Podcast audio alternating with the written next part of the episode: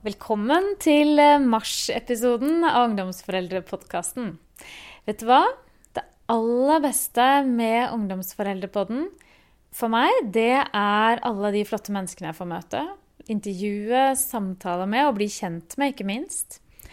Og vet du hva det verste er? jo, det er faktisk for meg å høre min egen stemme. Bli vant med å lytte til mine egne til dels ganske dumme spørsmål. Høre at um, jeg har ting jeg sier om igjen og om igjen. Irritere meg over det. Men vet du, det har vært utrolig mye læring i det også. For min del, da. Og nesten etter hver eneste episode bare si til meg selv at OK, det er godt nok. Og det virker som det er mange som syns at det er godt nok, for lyttertallene på Ungdomsforeldrepodkasten de går bare oppover. Og det gleder meg stort, rett og slett. Ja, ja. Og det med å være god nok, og at ting er godt nok, det kan vi jo ta med oss inn i foreldrerollen vår òg, tenker jeg. Det er mye som er godt nok, og vi trenger ikke å gjøre alt riktig. I denne episoden her så får du mange tips om hvordan du kan bli en enda bedre samtalepartner, enda bedre mamma eller pappa for barna dine. Men vet du hva? Det aller viktigste er at du er deg. Og at du gir din kjærlighet til barna dine. Det er i grunnen det aller viktigste. Vi kommer veldig langt med det. Og så er det jammen meg godt med noen gode tips som kan gjøre hverdagene og livet litt lettere. Og ei som kan mye om dette her, det er Line Langgaard Solberg. Hun er gjest i denne episoden. Og hun eh, har nylig kommet ut med boken 'Hjelp tenåring i huset tanketrening for foreldre'. Line hun er både adjunkt, NLP-coach, tankefeltterapeut og kurs- og foredragsholder. Og jeg tror du vil få mange gode tips i denne episoden. Så nå får du rett og slett lov til å være fly på veggen og lytte til samtalen jeg hadde med Line. God lytt! Sett deg lenge, det kommer til å skje. Du blir voksen, og jeg veit ikke helt hvordan jeg takler det. For de greiene der er søren meg ikke for hvem som helst. Velkommen til Ungdomsforeldrepodkasten, Line. Takk. Veldig hyggelig at du vil være gjest her. Jeg har gledet meg til å snakke med deg. Jeg har lest boken din, 'Hjelp tenåring i huset'. Tanketrening for foreldre. Men altså, trenger vi foreldretanketrening? Hva er egentlig tanketrening? Jeg må spørre deg om det aller først. Ja, til det første at du sier at trenger vi dette? Ja. Ehm, Jeg har skrevet den boken som jeg selv trengte da jeg hadde tenåringer i huset. For jeg har selv eh, tre barn, så nå er det slutten av 20-årene. Så eh, Og ja, jeg tror vi trenger den boken fordi at det er så vanskelig å snakke sammen som tenåringsforeldre. For det er så ofte at vi syns at det er litt sånn pinlig, og vi vet ikke om vi tør helt å blotte vår bekymring eller det som skjer hjemme hos oss, da. Fordi alt skal jo være så perfekt for tiden. Skal det ikke det? Jo, absolutt. Det skal det. Jeg, tenker jo på mange måter at eh, barna eller ungdommene våre har blitt et veldig sånn prosjekt hos foreldrene. De kanskje speiler seg i det, og det blir veldig viktig, er mitt inntrykk, for mange foreldre å ha vellykkede barn. Ja, og så ser vi jo Altså, det er jo ikke bare ungdommene som er på sosiale medier hele tiden. Det er jo vi voksne òg. Og det er jo ikke måte på hvordan vi kan fremstå som eh, at alt er så bra. Eh, men så er det jo sånn for alle mennesker at ting er vanskelig og utfordrende i perioder. Mm. Og da er det lite litteratur å hente eller finne. Og det er eh, Altså, jeg bare tenker at barna var små. Da kunne vi jo lese utallige bøker om barneoppdragelse, og vi kunne snakke med hvem som helst om og vi skulle slutte med bleie og smokk og sånn. Det er ikke så enkelt hvis sønnen din lyver for deg, eller skulker skolen, eller datteren din har begynt å røyke, eller Nei, jeg møter en del tenåringsforeldre som, kjenner, som, som skammer seg litt, faktisk. Ja, det er det. Fordi at de har jo nå hatt barnet hos seg i mange år og fått lov til å prege det. Altså, De har innprentet sine verdier, og de har, vi har liksom levd med barna i noen år. Og, og da er det fortere å se litt sånn tilbake på seg selv og tenke hva er det jeg har gjort galt, siden mitt barn strever eller, Mm. eller uh, ikke klarer seg så bra, eller eh, At jeg liksom ikke har fått det til. Jeg har ikke klart det. Ja. Eh, og det kjente jo jeg på i de årene også. Um, og det som jeg i ettertid kan si, da, er jo at det går jo bra med de aller fleste. Uh, og det kjennetegner ungdomstiden. Og hvis vi tenker tilbake da, på da vi selv var ungdommer, så kjennetegnes jo den tiden ved at vi skal finne ut av hvem vi er, og vi skal prøve å feile litt. Og, og det er kanskje det som er det vondeste ved å være tenåringsforeldre i dag, å stå og se på at de gjør valg og, som kanskje ikke vi ville gjort, eller som vi ønsker å skåne dem fra, da. Men de valgene, mange av de valgene Jeg vil si eh, de fleste av de valgene er viktig at de gjør, for de skal jo takle eh, ja, utfordringer og vanskelige ting også. Det er det vi blir sterke og hele mennesker av. Det er helt sant. De trenger ikke Jeg, jeg reiser jo litt rundt og holder foredrag, og da, da sier, pleier jeg å si det at, for, at uh, barna våre, tenåringene våre, de trenger jo ikke at vi gjør alt riktig hele tiden. At vi er perfekte foreldre som alltid reagerer rett. De gjør jo ikke det, men det er, det er noen ting de trenger. Um, og, og, så er det jo, og som jeg er enig i deg, altså det, det er jo ikke Som regel er det ikke foreldres skyld at ungdommene strever. Men de kan gjøre noe med det. Og de har et ansvar for å gjøre noe med det, tenker jeg. Ja, og det, og det er jo en annen ting, ikke sant. At uh, som foreldre så tror vi ofte at vi har så liten påvirkning i ungdomstiden. Fordi de uh, kanskje er kritiske til oss, eller uh, motsetter seg det vi sier og det vi gjør, og vi føler at vi ikke når inn til dem. At de er masse sammen med venner, at de får impulser utenifra. Så viser det seg det at vi har fortsatt en veldig stor påvirkning på dem. Heldigvis. Eh, og kanskje føler vi at vi ikke når inn med det vi sier, men hvordan vi lever, altså hva slags rollemodeller vi er, det, det ser de og føler de på. og Um, og det er det viktige. Og da er det jo sånn at det å være rollemodell, som du sier, er jo ikke å være perfekt. Det er faktisk å være et helt menneske og vise at vi er sårbare og feilbarlige, vi også. Mm. For da lærer de at det er helt greit å gjøre feil og, og lære av det. Det tror jeg er kjempeviktig. Og så er jo faktisk tenåringstiden en gyllen anledning for å, å, virkelig jobbe med relasjonen til barna våre. Til eh, å la de få lov til å bli kjent med oss som mennesker, og ikke bare som mamma, mamma og pappa. Mm. Fordi eh, det skjer jo mye i de årene der. Og, og, det er litt sånn at uh, de første årene er veldig viktige i forhold til det med, det med tilknytning, det med å, å, utarbeide Altså det å få en god selvfølelse. Veldig mye skjer i de første årene. Og så tar barna litt sånn pause fra det. Men så er det virkelig i gang igjen i tenårene. Det er en veldig fin tid både for endring for reparasjon av det som kanskje har, ikke har vært så bra. Og så er det jo bare noen år igjen mm. før de flytter ut. Så det er jo faktisk veldig veldig viktige år. Veldig viktige år. Og jeg tenker litt på når du sier det at uh, jeg har et sitat helt i starten av boken uh, som, uh, som, hvor det står at det viktigste du kan gi barnet ditt, er røtter og vinger. Og det er jo akkurat det du snakker om, at de røttene er jo så viktige. Det har vi gitt dem gjennom hele barndommen dette med tilhørighet og kjærlighet og tilknytning og, og, helt, og omsorg og, og, helt sånne basale behov har vi dekket. Og så er jo kunsten å gjøre dem flyvedyktige.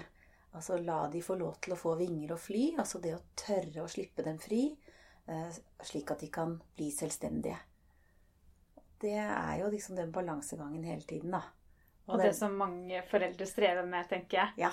Fordi det er litt vanskelig, å se på at de skal fly, og at de kanskje tar valg som vi ikke ville ha gjort.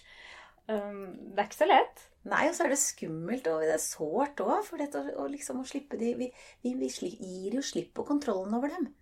Plutselig så vet vi ikke alt hva de driver med, og alt hva de tenker, og alt hva de gjør. Og det skal vi jo ikke heller. Og det er det vi som foreldre skal venne oss til, da. Og det er derfor jeg kaller boka for tanketrening for foreldre. fordi at dette handler jo også om å forsøke å være litt føre var. Altså når vi har tenkt over en del av disse tingene, f.eks.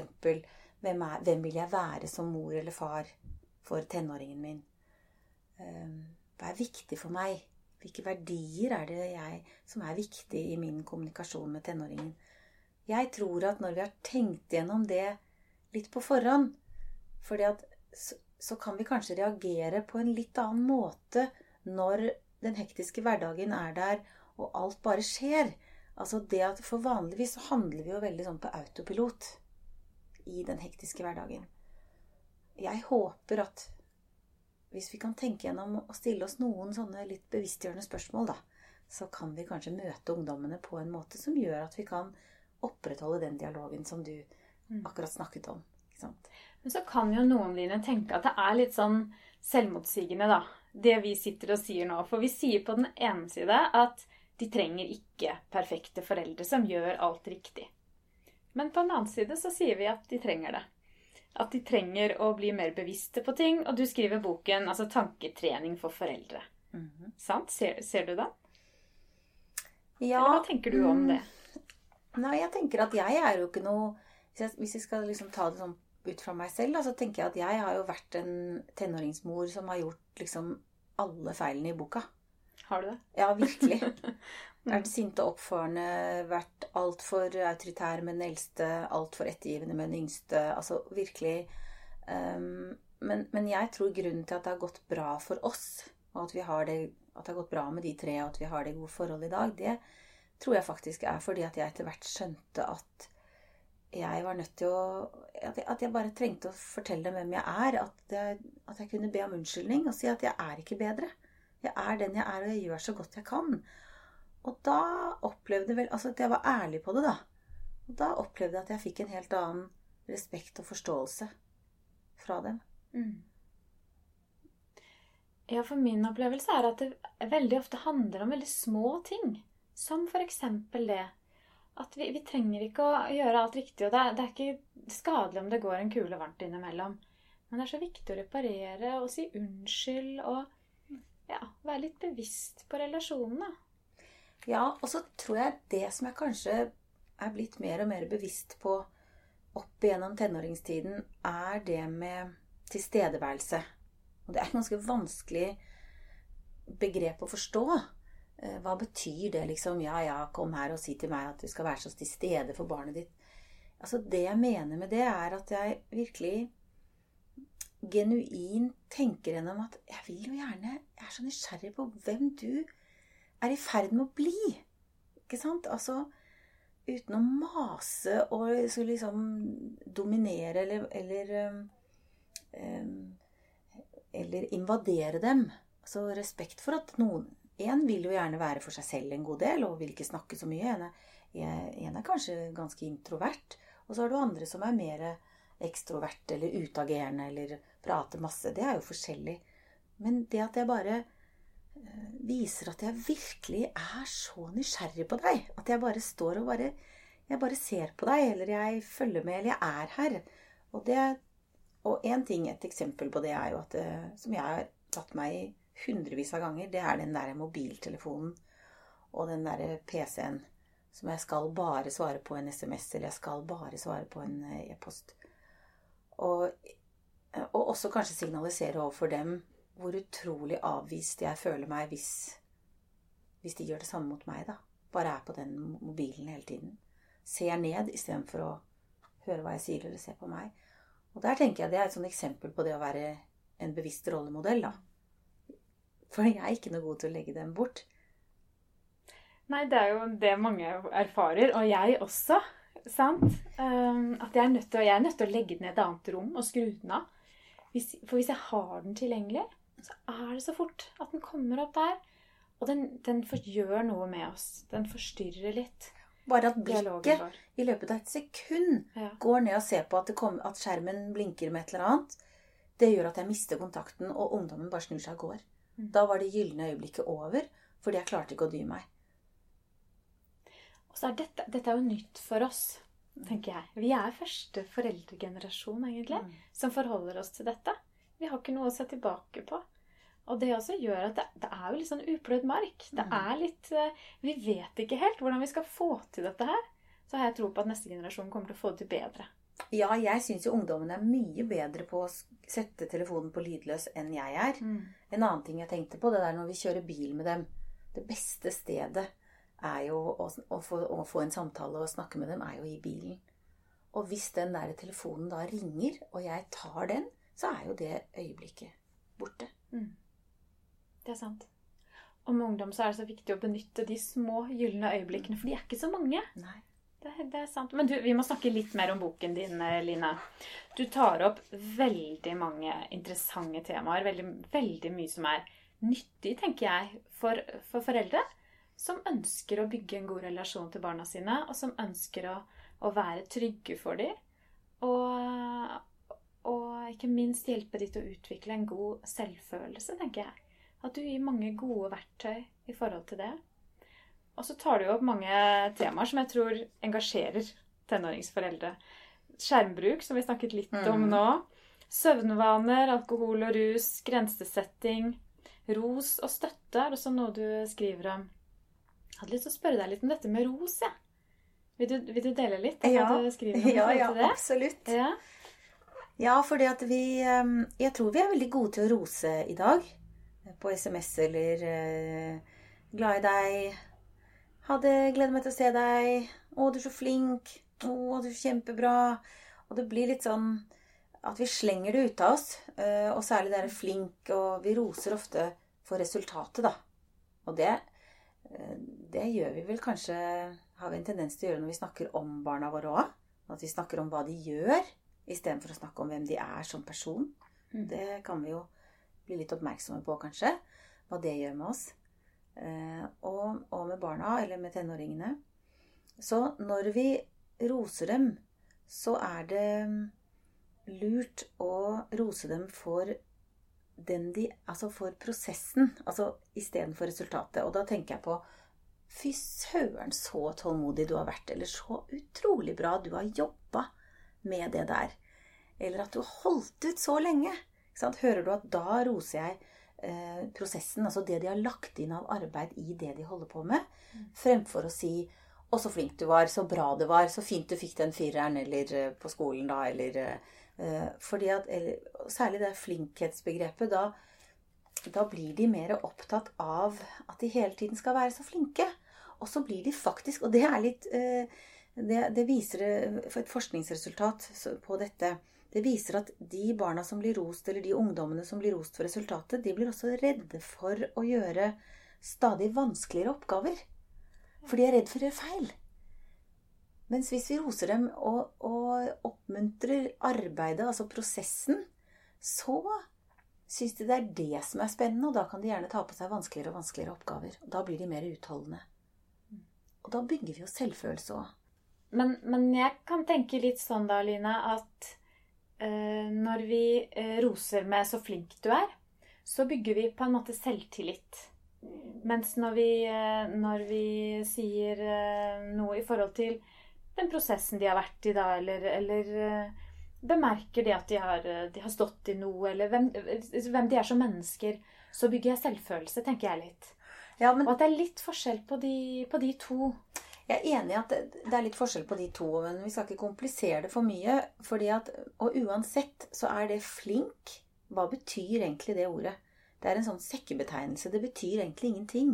Mm. Så da er det bedre at vi sier hva de er flinke til. Eh, 'Å, nå var du rask.' Eller 'Nå var du var utrolig smart som fikk til det'. Da men, men det er flinkhet Det er det derre flink jeg gjerne vil bort fra. Vil At vi skal være litt mer tydelig tydelige på, på de, den, de evnene som ligger bak for å komme frem til det resultatet, da. Men uten at dette skal bli så veldig komplisert for oss. Vi behøver ikke tenke egentlig om jeg nå roser selvtillit eller selvfølelse. Vi kan bare tenke at hva har du brukt av deg selv for å få til dette? Var du kreativ? Var du eh, smart? Var du klok? Var du eh, lur? Eh, var du rask? Var du utholdende? Å, så bra! Eller var du omsorgsfull? Så utrolig bra at du, at du var så omsorgsfull at du ringte til den vennen din. Det er jeg stolt av. At du er eh, empatisk, eller altså at vi setter ord på det.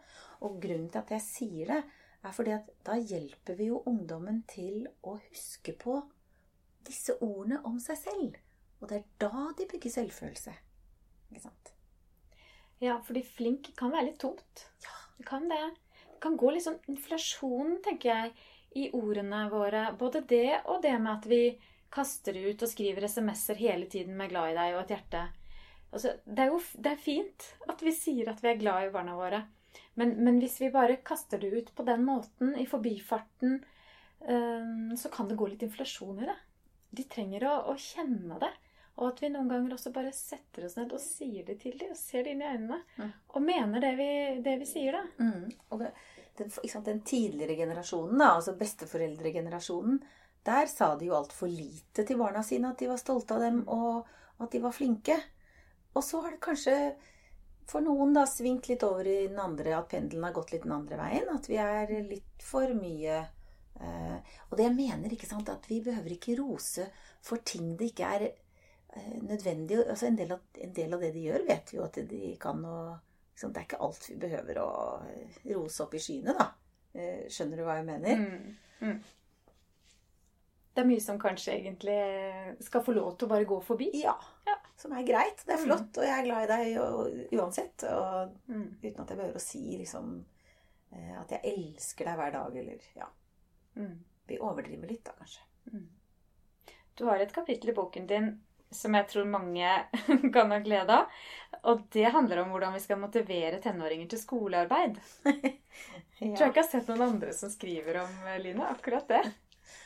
Det tror jeg er en frustrasjon hos mange foreldre. Altså, vi har jo enten eller. Vi har de som er veldig opptatt av å prestere og være veldig flinke. Og så er det også ganske mange som ikke er så motivert. Og som foreldre strever med å få til å liksom komme igjen. Ja, og jeg tror det kjennetegner den ungdomsgenerasjonen nå, at det er akkurat det du sier. Det er veldig enten-eller. Mm. Enten så er du opptatt av sport, og da er du veldig opptatt av sport. Eller så driver du ikke med det i det hele tatt. Enten så driver du og fester, og da holder du på med det. Eller så driver du ikke og fester i det hele tatt. Eller så er du opptatt av skole, som du sier. Eller så er du det ikke i det hele tatt. Og det er en utfordring. Og jeg tror at eh, det er viktig at vi som foreldre faktisk blir enige med ungdommene våre om hvor ambisjonsnivået skal være. Altså at vi spør dem hva vil du? Altså, og hva motiverer deg? Altså, eh, fordi at ofte så tror ungdommene at foreldrene har høyere ambisjoner for dem enn det de egentlig har, kanskje. Fordi de har ikke snakket om det. Ja, mamma og pappa tror at jeg bare skal ha femmere på skolen. Og så hvis du spør moren og faren, sier ja, det er jo kjempefint hvis han eller hun får det, men jeg tenker jo at det, det er ikke, ikke sant det er ikke, det er, Så kravstor er jeg ikke. Så det er ofte at vi ikke har kommunisert det. Og så kan det være Og det kan jo føre til at ungdommene blir demotiverte. Og så er det andre ting for vi må liksom gå litt inn i hva er grunnen til at du er demotivert. Ofte så går jo det på å hjelpe dem til å få en mestringsfølelse. Og hvis de føler at de aldri er bra nok, så går det veldig utover eh, mestringsfølelsen og motivasjonen. Så igjen så går det på dette med å ha dialogen gående. Hva vil du? Hvilken skole ønsker du å komme inn på eh, etter ungdomsskolen? Og hvilke karakterer krever de der? Og veldig mange vet jo ikke hva de har lyst til å studere, for det er altfor langt frem. at alle ungdommer lever jo liksom her og nå. Allikevel så er det en måte å eh, sette i gang en tankeprosess på, hjelpe dem til det, og også ansvarliggjøre dem, da. Ja, Og så er det med på å gi dem et mål. Ja. Da er det jo litt lettere å motivere seg selv også, hvis man har et mål der fremme. Mm. Og så kan man jo si, og, og da er det veldig viktig å, at målet ikke er sagt for langt frem i tid. Fordi at eh, nettopp som jeg sa i sted, så tenker ungdommene veldig her og nå, særlig guttene. Eh, Så hvis vi sier at eh, ok, hvilke, hvilke mål vil du sette deg frem til eh, sommeren, og så er vi kanskje bare på høsten, da er det så langt frem at det klarer de ikke å se for seg. Mens vi kan, hvis vi sier at ok, hvilke karakterer ønsker du deg på skolen f.eks. frem til jul? Ok, Hva betyr det i løpet av frem til høstferien? Og så kan vi se etter høstferien hvordan det går. Og så kan vi bli enige om en, noen nye mål frem til jul. Sånn at vi lager delmål på veien. Og så er det kanskje også noe med å å gi opp den masinga lite grann. Legge det litt, litt vekk. Og la, la de få lov til å finne motivasjonen selv. Og, og rett og slett ta hendene litt på ryggen og avvente lite grann. Um, Jeg tror de Du skriver litt om det også Ja, jeg skriver om det. At, Ja. Og jeg nevner jo eh, spesielt eh, en familie Det er en historie om, eh, om en gutt som En utrolig herlig gutt som eh, var i midten mellom to søsken, og som, hvor han hadde en storesøster som var kjempepliktoppfyllende, og en lillesøster som også var eh, i farta. Og han var egentlig eh, veldig lei av alt. For han følte det var så mye han måtte. Eh, og at han ble mast på hele tiden om at han skulle lese aviser, han skulle mm, hjelpe til med det ene og det andre og det tredje. Og han følte, og det er jo syns jeg er veldig viktig, dette med må-ordet. At vi foreldre, vi, vi sier altfor ofte at de må så mye. Nå må du forte deg. Nå må du spise. Nå må du huske å gjøre lekser. Nå må du løpe. Nå må du rekke. Og må, det består av to bokstaver, som vi vet, og det høres bare ut som mas. Særlig for ungdommer, og de lukker bare ørene. Og det som jeg syns er enda, oh, enda tristere, er at de får det inn i sin egen, eh, sitt eget vokabular. Sånn at de, når jeg spør ungdommene på kontoret mitt hva de må, så er det jo en hel A4-side av ting de må. Jeg må gjøre lekser, jeg må ringe vennene mine, jeg må på trening, eh, jeg må hjelpe til hjemme, jeg må, jeg må. Så sier jeg du må jo ingenting. Eh, Du må absolutt ingenting. Du må ikke ringe vennene dine. Du må ikke stå opp. Du må ikke spise. Du må ikke dusje. Du må eh, ikke gjøre lekser. Men hvis du ikke gjør lekser, så får du dårlige karakterer. Da kommer du ikke inn på den skolen du vil. Hvis ikke du står opp, så får du anmerkninger. Hvis ikke du spiser, så blir du syk. Og hvis ikke du sover, så blir du utrolig eh, daff og sur og deppa. Så det får konsekvenser. Så hva er grunnen til at du Og så stiller jeg de spørsmålene eh, til alt det de må. Du må ikke ringe vennene dine. Nei, jeg må ikke det, men jeg vil jo det. For jeg vil ha kontakt med dem. Ja, så du vil ringe vennene dine? Eh, ja, det vil jeg. Og det er noe helt annet. En helt annen motivasjon i det. Kan du høre det? Et helt annet eierskap til det. Nettopp. For da er det ikke noe jeg må, noe som er pålagt meg utenfra, men da er det faktisk noe jeg vil. Ja. Og det er stor forskjell på det, men det er jammen ikke lett Nei. å være forelder og skulle slutte å si du må, og kanskje se på at de må da, da, må, da må vi, faktisk, vi foreldre må da tåle kanskje Mm. å se på at de i en liten periode, den, den kan jo ikke vare så lenge, men, men en liten periode ikke står opp når de skal, Mm. ikke legger seg når de skal, ikke gjør leksene sine. Og det var veldig morsomt, for i den historien da, som jeg skriver om i boken, så eh, snakket jo foreldrene med læreren om dette. Og læreren sa jo til dem altså, denne gutten deres, han har, han har veldig potensial, men han tar det ikke ut. Han gjør ikke det han skal. Så nå slipper vi han. Eller dere slipper han. Dere slutter å mase. Slutter å, å snakke om lekser. Men sier selvfølgelig at hvis han trenger hjelp, så kan han komme til dere. Og så skal jeg følge han opp. Og stille litt krav her fra skolen. Um, og han kommer til, sannsynligvis til å gå ned en karakter. I hvert fall. I hvert fag. Og det gjorde han òg. Og foreldrene ble dødsbekymret, ikke sant. Men det som skjedde da, var at han gutten, han likte jo ikke det. Så han skjønte at han var nødt til å ta tak i det selv. Men da var det ikke foreldrene som sto og maste på han. Da valgte han det selv. Og også selvfølgelig fordi han hadde et godt forhold til den læreren, da. Så han hadde jo lyst til å uh, Så i dette tilfellet så det en, hadde det en god effekt. En annen ting er at uh, når vi uh, Når vi bytter ut det må-ordet som foreldre For vi kan godt si at 'jeg vil at du skal', eller 'nå skal du', 'nå vil jeg', eller hva Og, og da kan vi også stille spørsmålet 'vil du', 'skal vi'? I noen tilfeller, ikke sant. Sånn at vi Det er en god trening. Jeg har drevet med det i årevis. uh, Og det er en god trening å forsøke å bytte ut må-ordet på jobben også. For det er ikke noe hyggelig for oss voksne heller å bli fortalt hva vi må hele tiden. Så Det er sant. Så, men så godt hvis vi kan slippe å ha den rollen som foreldre, tenker jeg. Så godt for de foreldrene til den gutten å slippe å holde på med det der. For det er ikke noe godt å være den som går rundt og sier du, 'Nå må du det, nå må du det' hele dagen. Det er Nei. ikke det. Men det er ganske nervepirrende da, å stå Ja. ved siden av og ikke skulle si Ja, noen ja. ting. Og så liksom, hvordan går dette her? Så de var jo veldig bekymret en stund. Eh, og så så de men, men det handler også om å lage avtaler. ikke sant? Det hadde de gjort. Men de hadde jo spurt denne gutten først. Du, kan du ta, Føler du at du kan ta ansvar for dette skolearbeidet ditt selv? Kan du ordne opp i dette selv? For det, vi er jo Vi hører jo at du er drittlei at vi maser på deg hele tiden. Ja, jeg er drittlei av dere. Ok. Så du vil helst ikke at vi maser, Nei, jeg vil jo ikke det. Ja, men kan du ta ansvaret selv? Vil du det? Og det betyr at da skal vi slutte å spørre deg. Ja, jeg vil det, sa han. Ok, da lager vi en avtale at frem til jul så skal ikke vi eh, skal vi forsøke å virkelig ikke mase.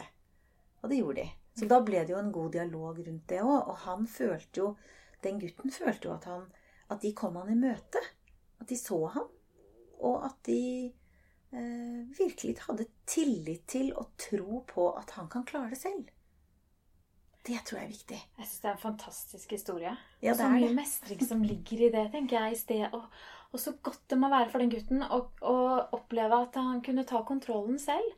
Mm. Istedenfor det er ikke noe godt heller å være barn og hele tiden bli bombardert med alt man må. Man kan bli utmattet bare av det, Mm. rett og slett.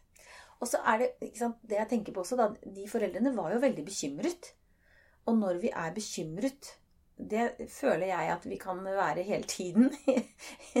Uansett alder på barna, så kan vi jo virkelig eh, overøse oss selv med disse bekymringstankene. Og hva gjør vi da? Jo, da, da ser vi for oss det som går galt. Og det kan være veldig nyttig og lurt for oss og godt for oss å faktisk velge å se for oss det som går bra.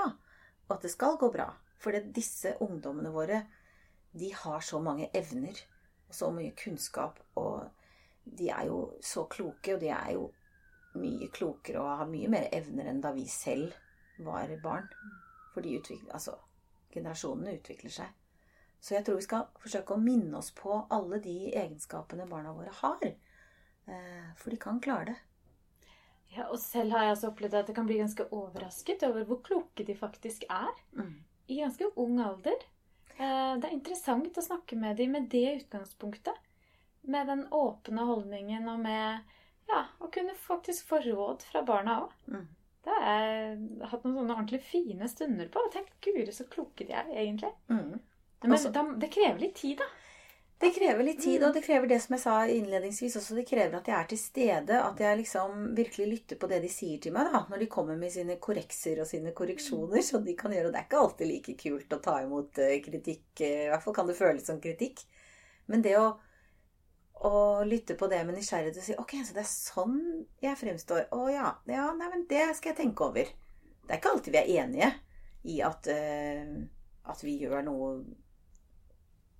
eller sier noe som de ikke liker. Eh, og det er helt greit. Men vi kan i hvert fall vise dem Jeg tror vi viser dem tillit og, og respekt når vi tar det inn og sier at det skal jeg tenke på. Det skal jeg Eller det ble jeg overrasket over eller lei meg for. Eller å, det må jeg tenke på om jeg virkelig syns Eller det skal jeg tenke på om jeg virkelig syns eh, er sant. Og det, jeg har en liten sånn historie fra mitt eget liv akkurat på det. Eh, Faktisk, Som, som eh, ene sønnen min, Magnus, syns det er greit at jeg forteller. da. Eh, Fordi har, Han har liksom drevet sånn opplæring av meg, egentlig, som mamma. Fordi eh, hvis han forteller noe da, som engasjerer meg, ikke sant? Så, så er det fort at jeg Hvis jeg er litt bekymret, da. Eller jeg tenker at nei, dette her får du ikke lov til, eller noe sånt. Så blir man litt sånn Man blir litt engasjert. Litt frem på stolen, litt på, og sier fort nei. Mm. Og da eh, har han vært, vært ganske tydelig med at hvis, mamma, hvis du, når du er sånn, så gidder jeg ikke å snakke med deg. Mm. Da går jeg. Og så har jeg klart etter hvert å, å si OK, den ser jeg. Trekk liksom pusten litt dypt. Setter meg litt tilbake og sier kan jeg få en ny sjanse. Ja, det kan du, sier han. Og så får jeg lov til å prøve en gang til. Og så kan vi nesten litt sånn øve litt Ja. på det. For at når jeg da ikke blir så foroverlent, så er det hyggeligere å snakke med meg. Og så oppdager jeg at oi, denne historien har jo mange dimensjoner, og jeg, jeg får så mye mer Mm. hvis jeg klarer å trekke pusten. Og det er veldig nydelig det du forteller. Det er veldig, veldig flott, altså. Og det er litt sånn, Men det, det krever litt av oss foreldre, da. Å sette oss litt tilbake. Og, for det handler jo Jeg tenker jo mye av grunnen til at vi, vi er så på, er fordi vi er bekymra. Ja. Og bekymring skriver du også om i boken Ja. din. Ganske mye skriver jeg om bekymring. Mm. Fordi jeg tror det ødelegger så mye for kommunikasjonen. Og det å kunne kjenne på hva er det som hører hjemme her hos meg. Og da mener jeg hva er det som er, som er mitt? Som ikke jeg behøver å overføre på tenåringen.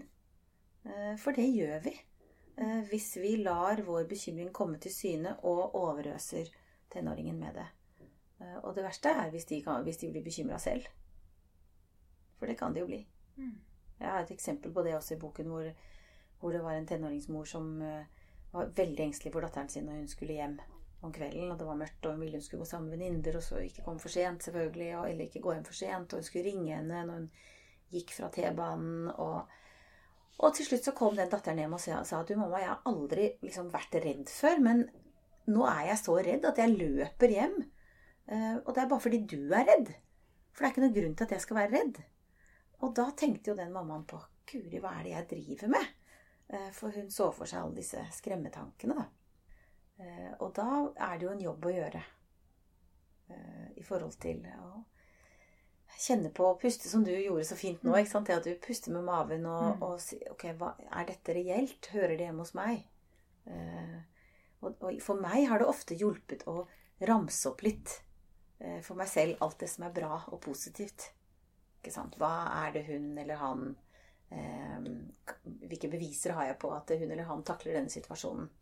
Jo, jeg husker den gangen gjorde han eller hun sånn. Det var kjempebra taklet. Og den har sånn og den, ikke sant? De, klarer seg fint, det er sosiale ja, At vi kan liksom forsøke å minne oss på det som er bra og positivt, som gjør at vi kan stå i det og bli litt tryggere, da. Mm. Jeg tenker jo at mye av årsaken til at tenåringsforeldre kanskje er bekymra, handler jo om at vi, vi kjenner på at vi mister litt kontrollen. Mm. Vi har hatt så god kontroll på de, sant? Vi har hatt styringen på alt.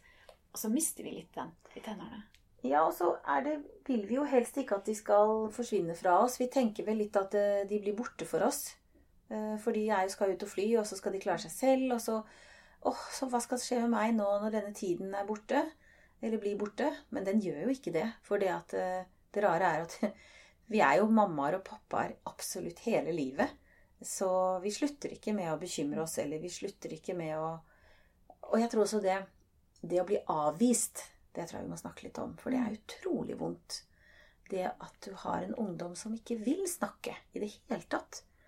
Som bare går inn på rommet og smeller med døren og Eller kanskje spiller hele tiden og er inne i disse sosiale mediene eller i, en, eller i et spill eller spiller med andre eller eh, bare rett og slett ikke vil Bare signalisere med hele kroppen at han eller hun ikke liker deg lenger. Og vil ikke Og da Det er jo ikke noe godt å kjenne på det.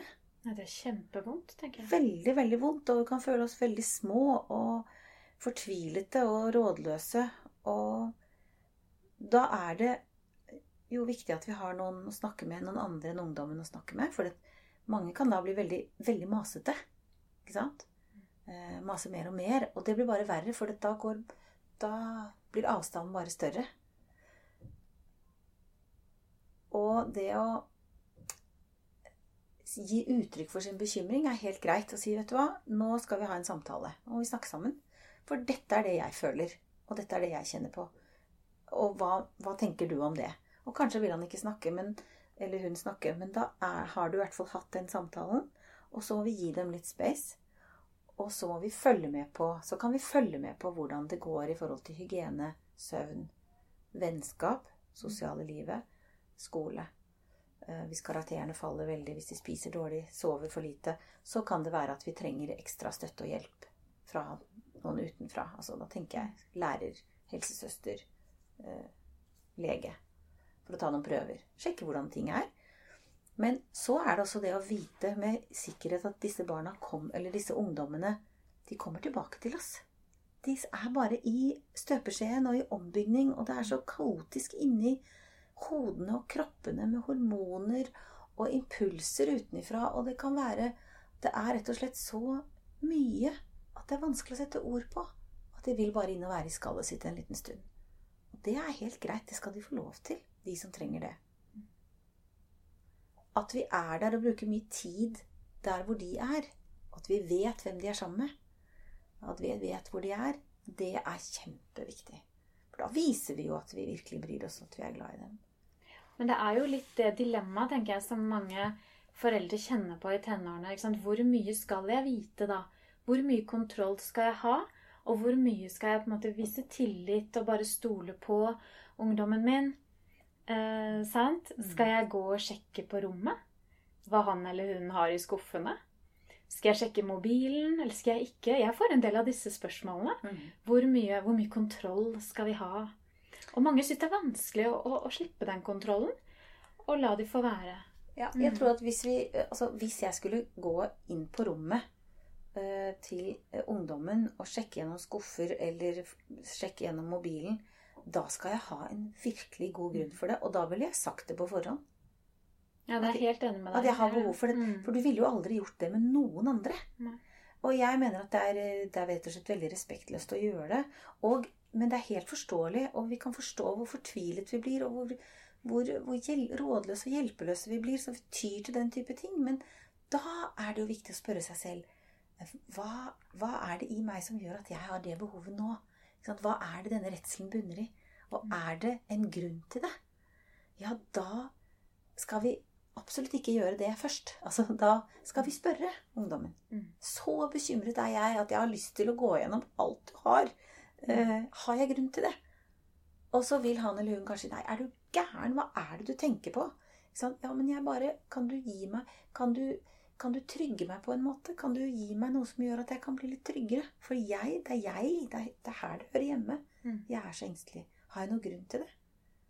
Og så kan dere kanskje bli enige om hvordan kan du hjelpe meg? Hører du at når, Hvis jeg spør ungdommen da, hvordan kan du hjelpe meg til å bli trygg?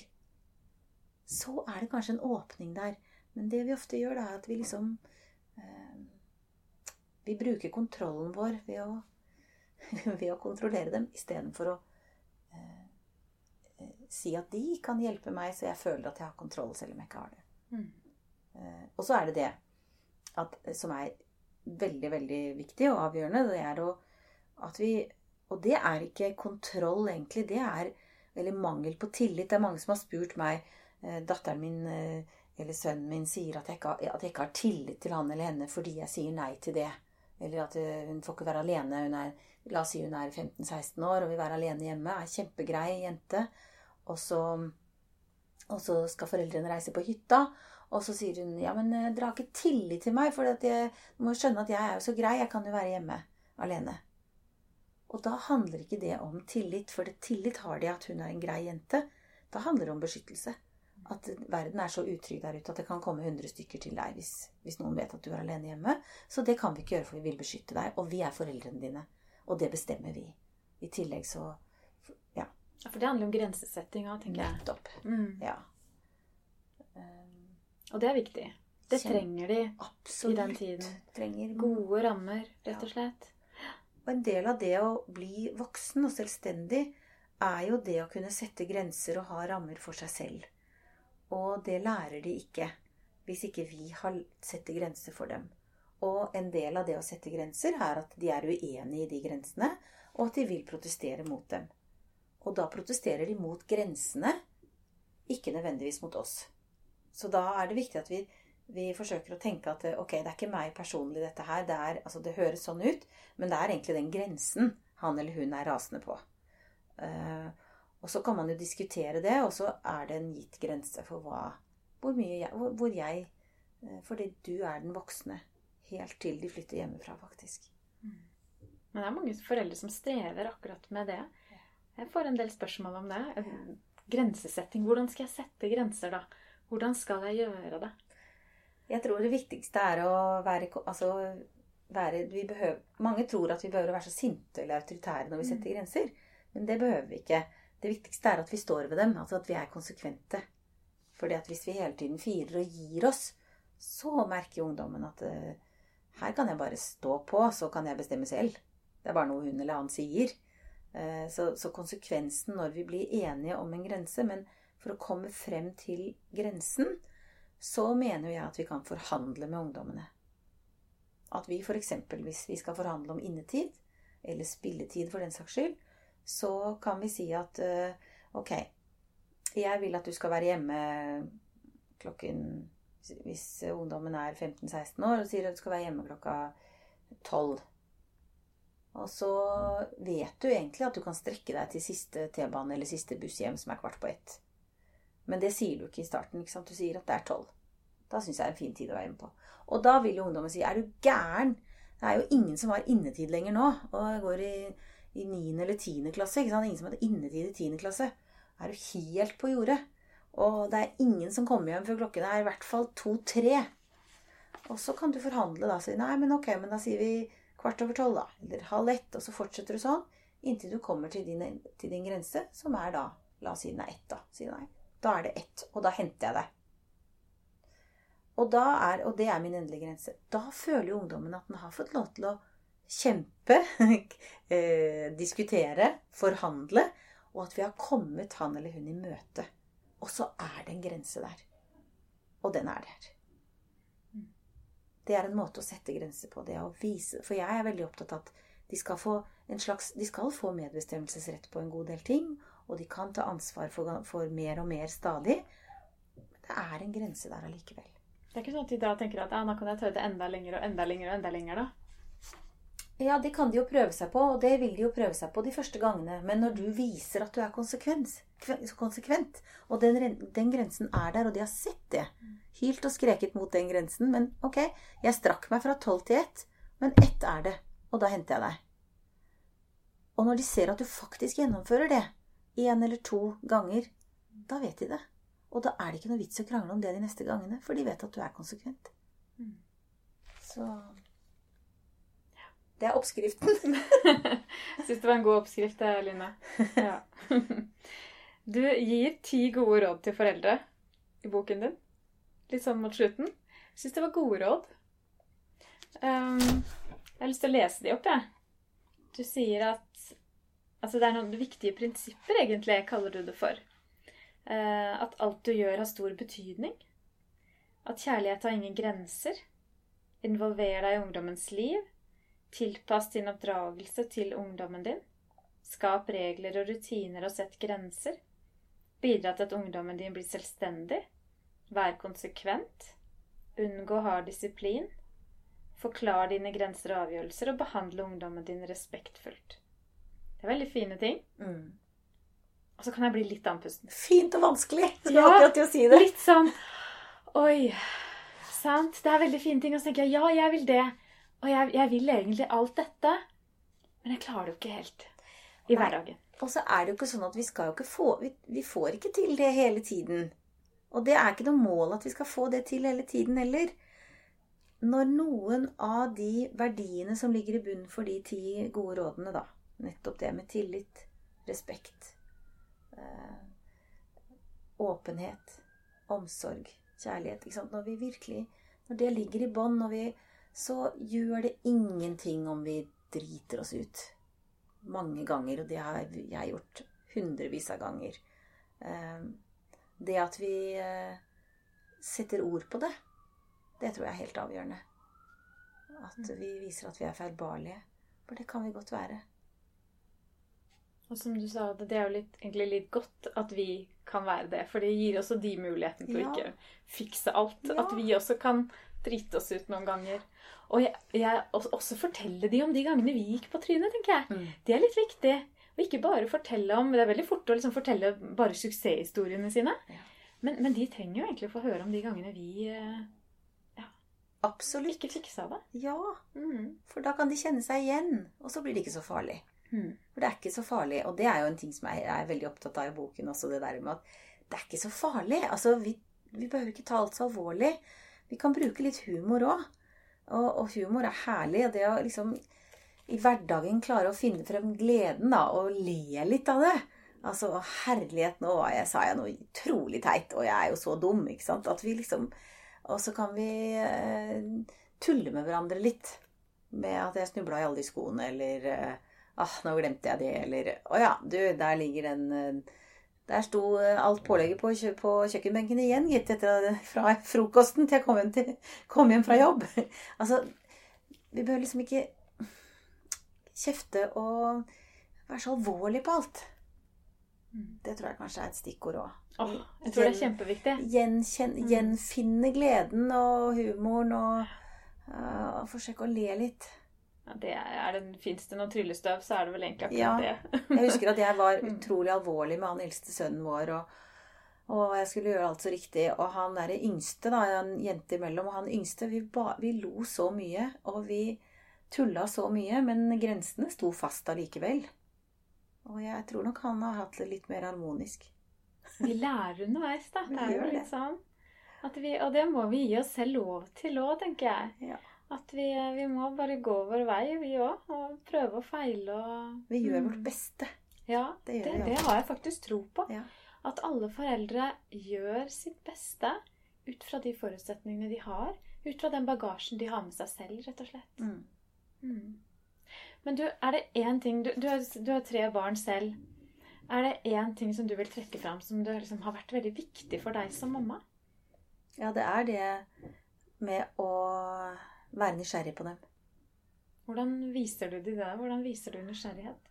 At jeg virkelig kjenner inni meg at jeg virkelig vil Jeg vil så gjerne um, Jeg er nysgjerrig på hvem de er, og hvem de blir, og hva de mener, og hva de tenker.